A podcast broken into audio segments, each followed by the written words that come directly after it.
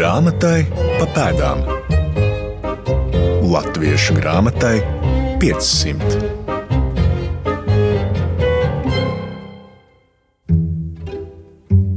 Labdien! Šajā ceturtdienā jūs sveicinu es Toms Strēbergs. Mūsu ikdienas praktiskajās gaitās mums dažkārt nāk saskarties ar dažādām instrukcijām. Vai tā būtu veļas mašīnas lietošanas pamācība, ugunsdrošības apmācība darba vietā, vai arī cik konkrētā medikamentu dozes dienā ir jāuzņem pieaugušajam un cik bērnam. Taču ir arī tādas instrukcijas, kuras skar mūsu garīgo ticības dzīvi. Mūsdienās šie padomi ir rodami dažādos ceļvežos, kurus veidojuši gan pašmāju, gan ārzemju teologi, garīdznieki un publicisti. Bet šodien dosimies krietni senākā pagātnē un aplūkosim triju izdevumu kopumu, kurš ir uzskatāms par pirmo nozīmīgo ticības dzīves skaidrotāju un pamācītāju latviešu valodā. Mēs runāsim par triju grāmatu komplektu, kurās bija apkopots viss nepieciešamais materiāls baznīcas vajadzībām - katehisms, priekšā lasāmie jaunās derības fragmenti, jeb perikopes, kā arī baznīcas dziesmas. Komplekta pirmā daļa tika iespiesta 1586. gadā Kēnigsbergā. Nākamā daļa savu druku pieredzēja gadu vēlāk, tātad ar jaunās derības evaņģēlijiem un epistulām, jeb vēstulēm, un tajā pašā gadā arī trešais komplekta dalībnieks - nevācu psalmu un garīgu dziesmu krājums. Viss triumvirāts kopumā glabājas gan Latvijas Nacionālajā bibliotēkā, gan Tartu Universitātes bibliotēkā. Kā norāda viena no mūsu šodienas ceļvedēm, šo izdevumu vēsturē literatūras zinātniece un filozofijas doktore Zigrīda Frīde starpkara periodā bija fiksēta arī atsevišķu eksemplāru atrašanās Kaļiņģeradas, tātad bijušās Kenigsbergas bibliotekā, taču šo izdevumu liktenis un iespējamā atrašanās fondā ir neskaidra. Mūsu stāsts šodien apdzīvo Kurzemes hercogisti, kur atradās Lēņa atkarībā no katoliskās Polijas un kurā teritoriāli politiskā reģiona pirmais hercogs Gotfrīds Ketlers mērķiecīgi sekmēja luterānisma nostiprināšanos. Šī nodoma stiprināšanas virknē, kurā ietilpa piemēram konsistorijas jeb administratīvas baznīcas institūcijas veidošana, baznīcu celšana un draugu dibināšana, ietilpa arī dievkalpojumu kārtības noteikšana. Īpaša mācītāja redkolēģija sastādīja Lutāņu rokas grāmatu tekstus latviešu draugiem. Kāda bija šo rokas grāmatu saturiskā tiecība? Vai tie bija tikai didaktiski, sausi, schematiski teksti, vai arī rokas grāmatās bija ietilpināta kāda dzīvinošāka ticības dzīves apliecināšana. Šo jautājumu sāk šķietināt Zigrīda Frīde. Izpētes augsta. Nu, tur var skatīties ļoti, ļoti plašāk daudz, jo tomēr tā bija kristīgās pasaules instrukcija par dzīvi. Tā varētu teikt, piemēram, baušļi, ko mēs visi zinām, esam ielāgojuši paudžu paudzēm, bet šeit viņi tā pirmo reizi latviešu lasītājiem bija lasāmi. Šie teksti ir iegūlušies mūsu zemapziņā. Ne? Tagad jau mēs neviens nesēžam un baušļus, piemēram, desmit dieva nemācamies, bet īstenībā mēs viņus visus zinām. Un mēs savā dzīvē kristies, nu, kristīgās pasaulē dzīvē mēs viņus ievērojam. Šī baznīcas literatūra kas it kā patreiz vairs tieši neietekmē literatūras procesu, un arī mūsu mācību vielā vairāk nav kā agrāk. Viņa bija gadsimtiem skolu mācību grāmatās. Tad tās klātbūtne mūsu pasaules uzskatos un notikumu tvērumu kontekstos, un, protams, mūsu vērtību sistēmā ir saglabājusies. Kultūra vēsturnieks Jānis Krēsliņš citēšu, teica, šeit simbolu, metaforu un dažādu līdzību, ētisko un morālo noteikumu atpazīšana ir mūsu atpazīšana. Un viņš teica, tā man šķiet, ka šodien mums, latviešiem, nepieciešama tā ir, lai apzinātos sevi kā tautu un civilizētu nāciju. Ja mēs nebūtu šo nu, izglītības eh, pakāpi izgājuši, tad droši vien mēs nebūtu kristīga tauta. Lai gan, protams, latvieši nekad nav bijuši dziļaticīga tauta. Un tāpēc ir interesanti par šo grāmatu, kura konkrēti sastāv no trim daļām. Pirmā bija tā šis katehisms, tā ir arī tā lieta, ko mācījās skolā, vajadzēja visiem viņu apgūt un zināt. Tad šeit ir šī priekšā lasamie jaunās derības fragmenti. Tā ir vismazāk lasītā, bet arī nu, ļoti svarīga daļa, mazāk izdotā. Bet trešā daļa, kas bija dziesmu grāmata, tā tiešām latviešu tautai bija ļoti tuva un mīļa. Un Augusts Bielensteins, es šeit citēju arī par sevi gudrākus cilvēkus, Augusts Bielensteins teica, ka tautai vistuvākā kļuva dziesmu grāmata, jo vairāk tāpēc, ka latviešiem ir nacionāli nosliedz uz dziedāšanu. Un liela taisnība tur tiešām ir, jo dziesmu grāmata e, ir visvairāk izdevumus piedzīvojusi no visiem šiem izdevumiem. Bet atgriežoties iepriekš, tā kā jūs, eh, jūs raidījums ir grāmatai pa pēdām, tad mums būtu šodien jārunā Kaļiņgradā. Jeb, protams, Kaļiņgrada tā ir 46. gadā nosaukta Ļeņina līdzgaitnieka vārdā, un joprojām viņa ir Kaļiņgrada, bet, nu, protams, tā ir ļoti sena un uh, pilsēta Kenigsberga, kura šobrīd ir strateģiskais galvenais mērķis Krievijas, nu, tādā ziņā, ka tur ir izvietotas raķetes, un vairāk nav tā kultūra pilsēta skaistā, kas bija tajā laikā, kad šī grāmata izdeva.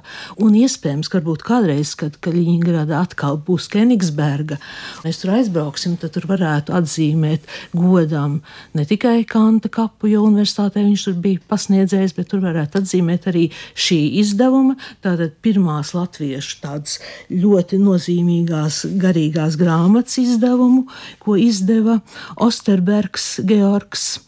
Un, protams, 1586. Jā. jā, 1586. Mm. gadā, un, protams, arī nepilnu gadsimtu vēlāk šeit iznāca vēl pirmā latviešu laicīgā grāmata. Tā bija Gotkārt Piddiks Stendera, Oda, Rāms laiks pēc pērkona briesmas. Un arī, protams, šeit iznāca baznīcas dziesmu grāmata un bībeles stāsts. Tā kā šie divi latviešu literatūras pirmsākumi tieši mums saistītos ar Kenigsbergu. Runājot tieši par enhirīdiju, jeb tātad rokas grāmatu, tātad Martina Lutera mazo katehismu, kristīgu audzināšanu ierīnas mācītājiem un sprediķotājiem, kā arī mājas tēviem no vācu valodas, nevācu valodā pasniegt un vārdu pa vārdam, kā Mārtiņš Luters licis izteikta. Par šo nevācu valodas pārlikumu mēs varam teikt paldies. Kam? ļoti daudziem mācītājiem. Varbūt es maz mazliet ļoti īsi pateikšu tā, ka vārds enhiridijs ir no grieķu valodas un viņš nozīmē rokas grāmata, tātad teoloģisko rakstu krājums. Šī pirmā daļa, kura tika iespiesta Kenigsbergā 1586. gadā, bija tikai sākums. Viņa tika iespiesta, bet vēl netika, nu, kā teikt, laista klajā. Viņa pagaidīja divas nākošās daļas, kas iznāca 1587. gadā, un tad reizē, kurzems Hercogs, kurš šo izdevumu atbalstīja, viņas laida klajā, ja pareizāk sakot, bez maksas, deva izplatīt kurzemes un zemgals baznīcās.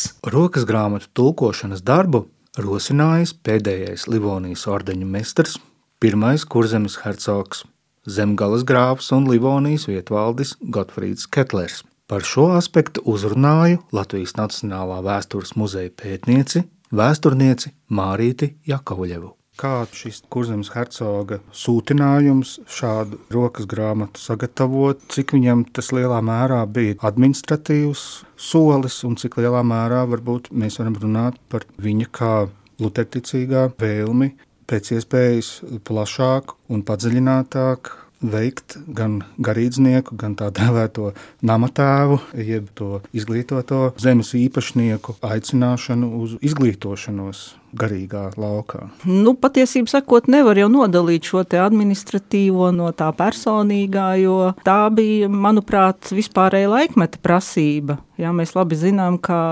luteriskā ticība, ja lutera mācība pieprasīja šo sludināšanu vietējās valodās. Jā, tā tad eh, līdz ar to, ja mēs eh, varam teikt, ka eh, grāmata, dažāda veida grāmatas vācu valodā, teiksim, sarakstīt vai iegūt no ārzemēm nebija liels problēmas. Tad ar latviešu valodu saprotams, ka tas bija tāds pavisam jauns uzdevums, un līdz ar to tā bija tāda dzīves nepieciešamība. Varbūt jums ir kāda informācija par to, ko tas prasīja finansiālā aspektā. Nu, nopietni līdzekļi bija nepieciešami jebkāda veida drukai. Tas nebija lēts notikums? Nu, atklāti sakot, man grūti teikt. Es neesmu nevienu dokumentu šādu veidu redzējusi. Piemēram, ar eh, šiem te pašiem mm, pirmajiem kurzemes eh, baznīcas likumiem, jā, kas tapa 1570. gadā, jā, kad saka, tika izstrādāti šie evaņģēlis kluturiskās baznīcas pamati kurzemes hercogistē. Tad radās arī divi darbi, jā, tātad uh, kurzemes baznīcas reformācija un kurzemes baznīcas likumi, kas tika iespiesti, bet arī teiksim, daudzās draudzēs nemaz nebija šādi iespiesti eksemplāri, bet uh, izplatījās rokrakstos. Un es pieņemu, ka varbūt arī šīs, te, kā saka, arī latviešu tie teksti lielā mērā izplatījās rokrakstos. Tagad kopīgi ar Zigrīdu Frīdi atgriezīsimies pie šo garīgo instrukciju tapšanas ģenēzes jeb izcelšanās. Ja mēs runājam par to, no kurienes nāk šie teksti, tad mums tomēr jāatgriežas Rīgā, Jēkabā baznīcā. Jo šie visi pirmie teksti pakāpeniski līdz grāmatai brieda diezgan ilgu laiku. Pirmkārt, pirmsākumā viņam jau bija tātad no luterticībā pārgājušiem katoļu garīdzniekiem. Pirmo ar šiem tekstiem saista Svētā Augustīna klostera mācītāju. Viņš bija gan Limbažos mācītājs, kurš kļuva tātad par Jēkabā baznīcas draudzes mācītāju un, protams, latviešu ģildes rakstītāju. Tas bija Nikolais Rāms, un turpmākie Jēkabas baznīcas mācītāji, protams, šos tekstus izmantoja, tā bija liela vērtība, paplašināja un arī izmantoja savā darbā. Nākošais tātad no viņiem bija Johans Eks kurš arī, starp citu, Rīgas ģildes rakstus veidoja. Arvācot šī valoda, tiešām tā ir latviešu valoda. Tiešām viņa skan smagi, bet tad es atceros Enzelīnu teikto, ja kādu vārdu nevar izlasīt, vajag atcerēties, ka eh, šī valoda nav nepareiz, bet eh, nepareizs tas rakstījums. Un ja mēs sapratīsim, kas tas ir pa vārdu, tad arī to rakstījumu mēs sapratīsim, jo kamēr valoda noformējās, tas bija ļoti garš un smags process, protams, no izdevuma un izdevuma tās grāmatas kļuva labāka valoda, bet, protams, tas notika ļoti ļoti lēni un grūti. Literārās valodas radīšana bija ilgs process. No vēsturnieces Mārītas Jakovļevas vēlos uzzināt, vai Gotfrīda Ketlera nodoms un praktiskā rīcība, pulcējot luterāņu rokas grāmatu tekstu tulkotājus, tomēr nav saistīts ar kādas jaunas, iepriekš nepraktizētas politiskās pārvaldības aizsākumu. Kā mēs vispār varam Ketlera figūru novērtēt, vai viņš nāk ar kaut kāda jauna veida pārvaldības principiem. Tur ir kaut kādi varbūt pavērsieni vairāk uz humanismu, uz uh, līdzcietīgāku pārvaldes uh, formu, kā jūs to raksturot. Tad atkal jāsaka, šī paša uh, laikmeta iezīme, jā, tā tad reformācija nāk ar jaunu pieeju vispār šeit valsts organizācijai, ja iepriekš viduslaikos valdnieks it kā kalpo baznīcai, tad tagad notiek pilnīgi pretējs, un baznīca kļūst par valdnieka tādu instrumentu, instrumentu, ar ko, nu, kā toreiz teica, disciplinēt uh, savus pavalsniekus, audzināt viņus uh, par labiem pavalsniekiem. Jā. Līdz ar to Gotthārda loma, protams, ir vērtējama lielā mērā no tā, ka viņš ir šīs kurzemes evaņģēlis kultūriskās baznīcas organizācijas radītājs, viens no vadītājiem, Jā, tātad viņam ir arī vairāk līdzstrādnieki, līdzgaitnieki, ja kanclers Mihails Brunovs, pirmais kurzemes superintendents Einhorns, bet jā, kurzemes hercogs ir šīs baznīcas organizācijas galva. Ja mēs domājam ļoti klasiskā, bet šajā reizē Man liekas, tas būtu nepieciešams lineārā laika izpratnē.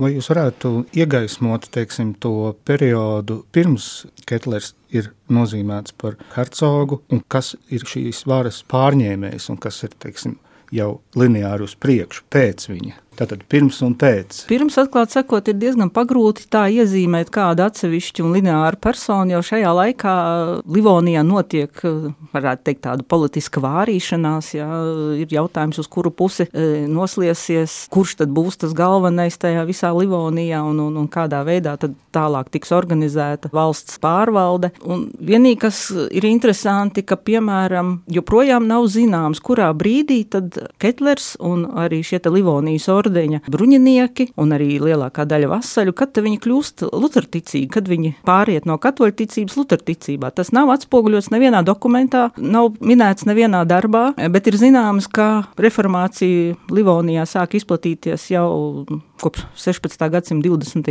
gadiem, un visu laiku notiek cīņas starp reformāciju un katoļu ticību, tad uzvar vieni, tad uzvar otri, un tad gala beigās, jā, tomēr, kā saka, reformācija gūst virsroku. Tāpat laikā šie te ordeņa brāļi it kā formāli joprojām paliek katoļticīgi. Lai gan mēs zinām, ka tad, kad um, 16. gadsimta 50. gadu vidū Gotthards Ketlers tiek sūtīts vairākās diplomātiskās misijās uz Vāciju, viņš tur iepazīstās ar Filipu Melanktonu, ja, kas ir viens no redzamākajiem reformācijas teologiem līdzās Luteram. Un līdz ar to varam secināt, ka, teiksim, Ketlers evaņģēlis luterisko ticību pieņem jau stipri ātrāk, uh, pirms, kā saka, tiek likvidēts Livonijas ordens. Un tas, kas attiecās uz nākamajiem pārņēmējiem, pārņēmējiem jā, tātad varu pārņemt divi viņa dēli, Hercogs Friedrichs un tad, kad Vilhelms sasniedz pilngadību, iestājās šī te it kā divvaldība, jā, saskaņā Hercoga testamentu, bet ir noteikts, ka valsts reliģija, ja ir evanģēliskā luteriskā ticība, jeb Augsburgas konfesija, kā to laik teica. Līdz ar to šī baznīcas organizācija turpina pastāvēt un arī turpina, kā saka, savu darbību. Atklājam tekstus! Atgriežoties pie šī izdevuma, tātad vēlāk, Johans Rīvijs arī Jēkab baznīcā, balstīdamies uz šiem tekstiem, tomēr, kā man liekas, Johansons teica, ka viņi par sliktu uzvedību, es gan nezinu, kā eh, mācītājs var slikti uzvesties, bet, nu, ar, ar vārdu sakot, viņu par sliktu, nu, nē, nē, viņš bija luterāns, tā kā par uzskatiem nē, bet, nu, es nezinu. Nu, kaut kas tur bija. Kaut kas nebija, bet katrā ziņā viņa, viņš bija spiests doties uz dobeli. Un tā viņš kļuva par zemgals mācītāju un Rīgas literārās tradīcijas turpinātāju kurzem zemgals hercogistē. Pēc um, Ketlera, tātad kurzemes pirmā hercoga ierosmes, jo viņš bija luterticības piekritējs un e, ieviesējis e, kurzemes un zemgals hercogistē, viņš Rīvijam uzdeva iztulkot šo katehismu, un viņš arī citiem tekstiem ir pievērsies, es domāju, Rīvijas.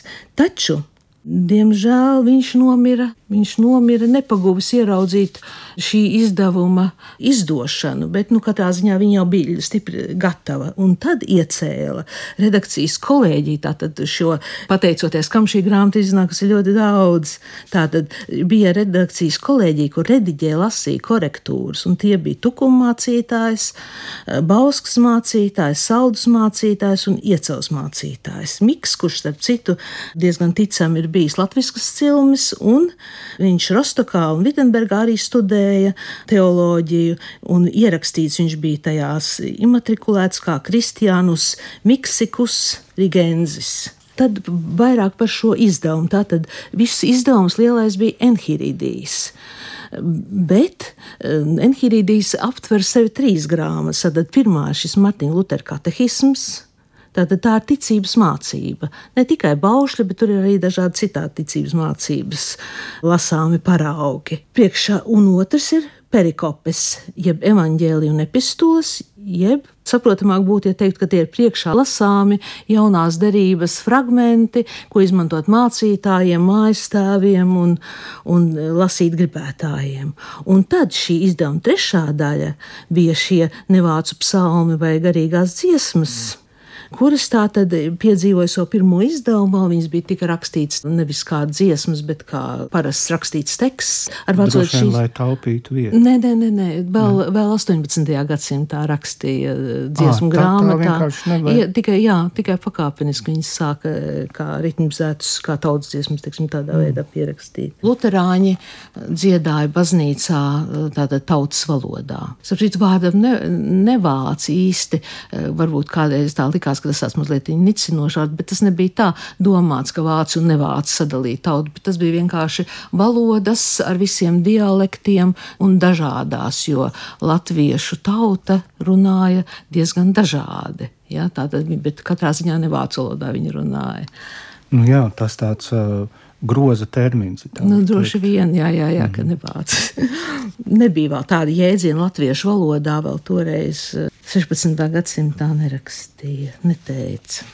Protams, šai grāmatai ir neticami liela un ļoti gara vēsture tādā ziņā, ka, kā jūs teicāt, ka kā tekstus, kas tiek izmantoti, lai instrukcijas, viņi tika lietoti ļoti ilgi un īpaši ieviesās, un ļoti daudz izdevums piedzīvoja Glika tulkojumā. Ernsts Gliks tātad iztulkoja šo katehismu 1682. gadā, un, piemēram, kad es skatījos, man vajadzēja pastīties par vienu 1818. gada izdevumu, tad izrādījās, ka tas ir lika tulkotā izdevuma 15. atkārtotais izdevums, kur savukārt bija uzlabojis arī tāds talantīgs dzēnieks Rīts, kurš savukārt šis bija viņam piektais izdevums. Tā kā šie izdevumi ir neskaitām bezgalīgi daudz. Tos tikai var izsakot grāmatas vēsturnieki, ka viņi savā lielā kopkatalogā saliek, kurš ietais kura. Un gan šī enhīrīdija, gan arī, arī, arī visi dažādi citi katehismi, kuri atsevišķi tika izdoti, bija ļoti, ļoti, ļoti daudz un dažādi. Bija arī katehisma teksta tulkojuma teksts, teksts bija tulkots valodā, kuru runāja Rīgā lielākoties. Protams, arī Rīgā ienāca dažādi, un valoda varbūt ne visiem bija vienāda, bet šie visi mācītāji, pateicoties tam, ka viņi bija mācītāji pirmajā tātad latviešu luteriskajā draudzē Jēka baznīcā, runāja latviešu valodā un mēģināja šo tekstu uzrakstīt pareizā latviešu valodā. Jā, tātad grāmatas tituls, priekšvārds un paskaidrojumi dot vienīgi vācu valodā. Jā, tā ir latviešu grāmata. Grāmatai pa pēdām.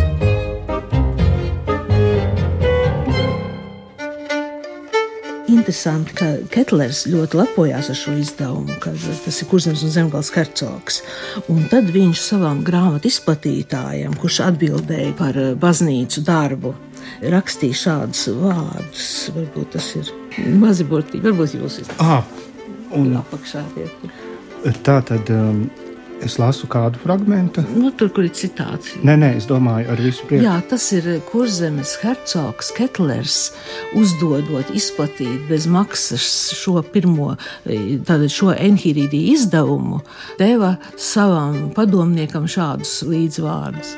Jā, tātad 1587. gada martā rakstā Zālamanam Henningam, kurzems hercogs tieši uzsver, lai nu tikai ar enhirīdu iznākšanu un saņemšanu nepalaižas slinkumā un nevērībā, kā mācītāji, tā arī namatēvi. Mācītāji, lai nemitas, joprojām izstrādāt paši sev svētrunas un paturēt galvā arī dievkalpojumu kultiskos tekstus, Nama tēvi savukārt, lai nemitas, joprojām apmeklēt baznīcās dievvvārdus, neapmierinoties ar jauniespēstajās grāmatās esošo tekstu nolasīšanu. Tas liecina, ka iznākušās grāmatas izmantotas lasīšanai un laikam gan arī lasīšanas mākslas iegūšanai, tiešām arī latviešu aprindās. Šī piebilde patiešām ļoti aktuāla. Jo domājot par šo principu, par kaut kādu izskaidrošanu, konteksta piedāvāšanu, jā, tur varēja būt tāds risks ar zināmu gan garīdznieku, gan pieminēto nama tēvu palaišanos slinkumā, ka tad jau mums viss ir pateikts, tad tā arī darīsim. Tad tomēr ir brīdinājums, ka lai paši nerimstas pētīt un, un domāt, un, un arī savus svētrunas veidot. Svētrunas parasti veidoja tā, ka paņēma kādu gabaliņu no Bībeles, protams, kuriem bija mājās Bībele toreiz. Es nezinu, vai daudziem mājās varēja būt Bībele, bet tā vēlākos laikos, cik es zinu. Un tad viņi mēģināja viņu skaidrot cilvēkiem. Tādā veidā tos svētvārdus turēt arī izskaidrojošus.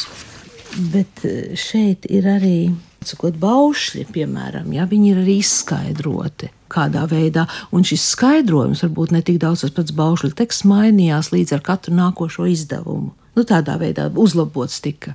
Un tādā sakarā arī glika, varbūt viņam arī valoda bija labāka, daudz, protams, bija labāka. Un glika tieši šie skaidrojumi skolas grāmatām ieviesās daudz labāk. Bērniem tas bija interesantāk un vajadzīgāk, un viņi arī īsāk mazliet bija, man tā šķiet. Bet, nu, katrā ziņā Liks, protams, to tulkoja 682. gadā. Tātad tas ir gandrīz gadsimtu vēlāk par šo izdevumu. Bet arī starp liku un šo izdevumu arī bija dažādi mainīgi teksti. Marītei Jakovļevai uzdod jautājumu, kas saistīts ar Lutāņu rokas grāmatu ietekmi uz tālākajām paudzēm.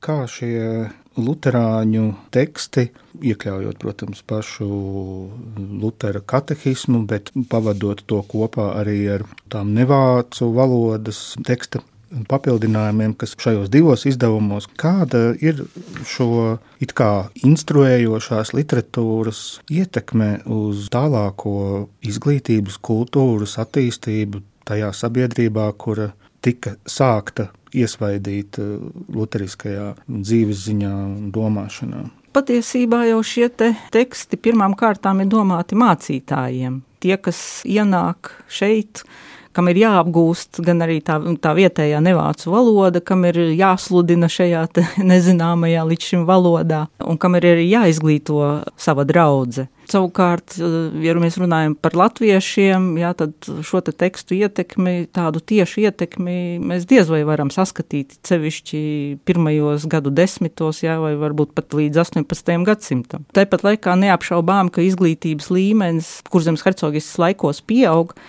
atkal Tikpat kā nav datu par eh, zemnieku skolām un zemnieku izglītību šajā laikā, ir pilsētu skolas. Mēs zinām arī, ka Gotthard pirmajā testamentā, kas teiksim, nestājās spēkā, jā, bet eh, tajā viņš raksta, ka ir jādibina kaut kas līdzīgs skolotāju semināriem, tātad, kur eh, būtu jāapmāca ne tikai vācu mācītāji, jā, vācu teiksim, izcelsmes mācītāji, bet arī latviešu izcelsmes mācītāji, kas tad turpmāk strādātu šajās latviešu draudzēs. Bet, diemžēl, pēdējā testamentā vairs šāda nekāda noteikuma nav, un nav arī nekādu ziņu Tā tad jā, par izglītības sistēmu, gan mācītājiem, gan zemniekiem. Faktiski lielākā daļa notiek mājmācības ceļā. Jā. Tāpat tās, teiksim, tie, kas iet klaušās uz mūžu, parasti rīta stundas sākās ar kopīgu lūkšanu. Vismaz teorētiski būtu jāsākās, jā, kā tas tiek eh, pas, pasvītrots likumos. Atkal ir jautājums, kas ir likumos un kas ir praksē. Jā, tas ļoti bieži ir divas eh, atšķirīgas lietas, un mēs arī varam lasīt baznīcas vizitācijās, jā, kā viens otrs zemnieks vispār nemāk ne tēvreizi neko skaitīt, jā, un uz baznīcu neiet.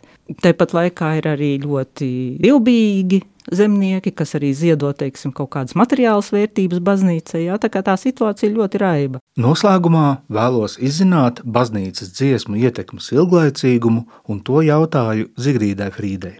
Runājot par baznīcas dziesmām, viņu nozīmīgumu dzējas pirmajos aizmetņos un tradīcijas rašanās iespaidu. Kad 19. gadsimta vidū tāds latviešu zvejnieks Rātminders izdeva savu pirmo, tas bija pirmais latviešu pašas rakstītais dzējas krājums, tad viņš arī bija, piemēram, tādu dziesmu ielicis iekšā, kā, teiksim, gan viņš runā, pirms viņš ir skolā gājis, un kā gan viņš runā, ja dzējo dzied savām gotiņām, kad viņš ir skolā gājis, un pilnīgi tā ir cits valodas slānis, cita attieksme, cita dzēja tā ir. Tas ir ļoti interesanti interesanti. Jā. Jo, protams, literārā dzēja un tautas dzēja bija pavisam kas cits, un viņas kopā vēl to laiku nebija. Lai gan 18. gadsimtā Stenderam bija baznīcas grāmatā ieliktas dziesmiņas, kuras atbilda tautas dziesmu pantmēram, un viņš mēģināja tagad pieskaņoties. Bet nu, vienkārši tā bija cita domāšanas sistēma, tas bija cits pasaules redzējums. Vai ir kaut kā iespējams secināt to, kāda šiem mazā Lutera katehismiem un uh, arī šiem papildinātajiem izdevumiem pēc tam, vai viņiem bija nozīme arī kādā izglītības jomā, kaut gan par tādu teoloģiju, kas nav katoļu, mēs jau vēl tajā laikā nevaram runāt, jo nav vienkārši augstskolas, vai ne? Nu, vismaz ne Latvijas teritorijā. Jā, es domu sapratu. Katrā ziņā jāsaka, tā, ka no šie katehismu, un šie visi teksti ceļoja līdzi latviešu literatūrā, līdz pat viņiem bija zināma literāra vērtība vēl 19. gadsimta vidū, bet vēl mazliet vēlāk, jo arī latvieši, kad viņi sāka rakstīt latviešu skolu, tas ir cīņas seminārā paši latviešu skolotie mācību spēki, rakstīja šīs grāmatas, un bija tāda kampaņa, ka mēs paši rakstīsim, protams, bez baušļiem iztikt nevarēja. Tā, tā, tā ir tāda lieta, kas nāca cauri izglītībai ļoti ilgu laiku laiku. Jā.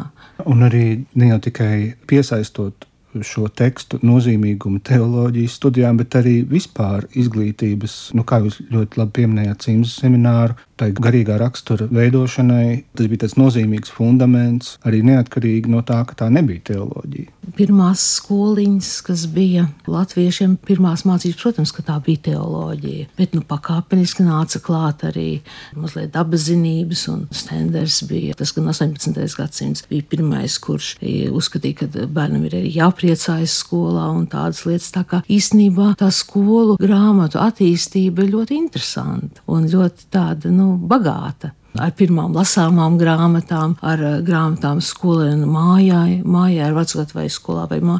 Tur bija arī stāstīņi iekšā un tādas lietas, eh, nu, kas, kas bērnu vispār izglītoja literāri. Līdz uzzināt arī kaut ko par pasauli. Arī, jā, jā. Par žirafēm un ziloņiem. Kā stenderam, jo tas arī bija raksturīgi. Šī jā, jā. plašā izpratne, geogrāfiskā. Zebra bija vādzemes zirgs laikam vai kaut kā. Tur bija interesanti no, ar to, kas bija vādzemes, tas bija svešais, nezināmais. Gan šie, gan daudzi citi ar ticības, dzīves, ceļvedību saistītie izdevumi ir aplūkojumi Latvijas Nacionālajā Bibliotēkā. Pirms tam gan cītīgi jāizpēta piekļuvas process pie tiem, taču tie aplūkojumi arī caur gaismas pilsētas tīmekļa vietni lnb.lv.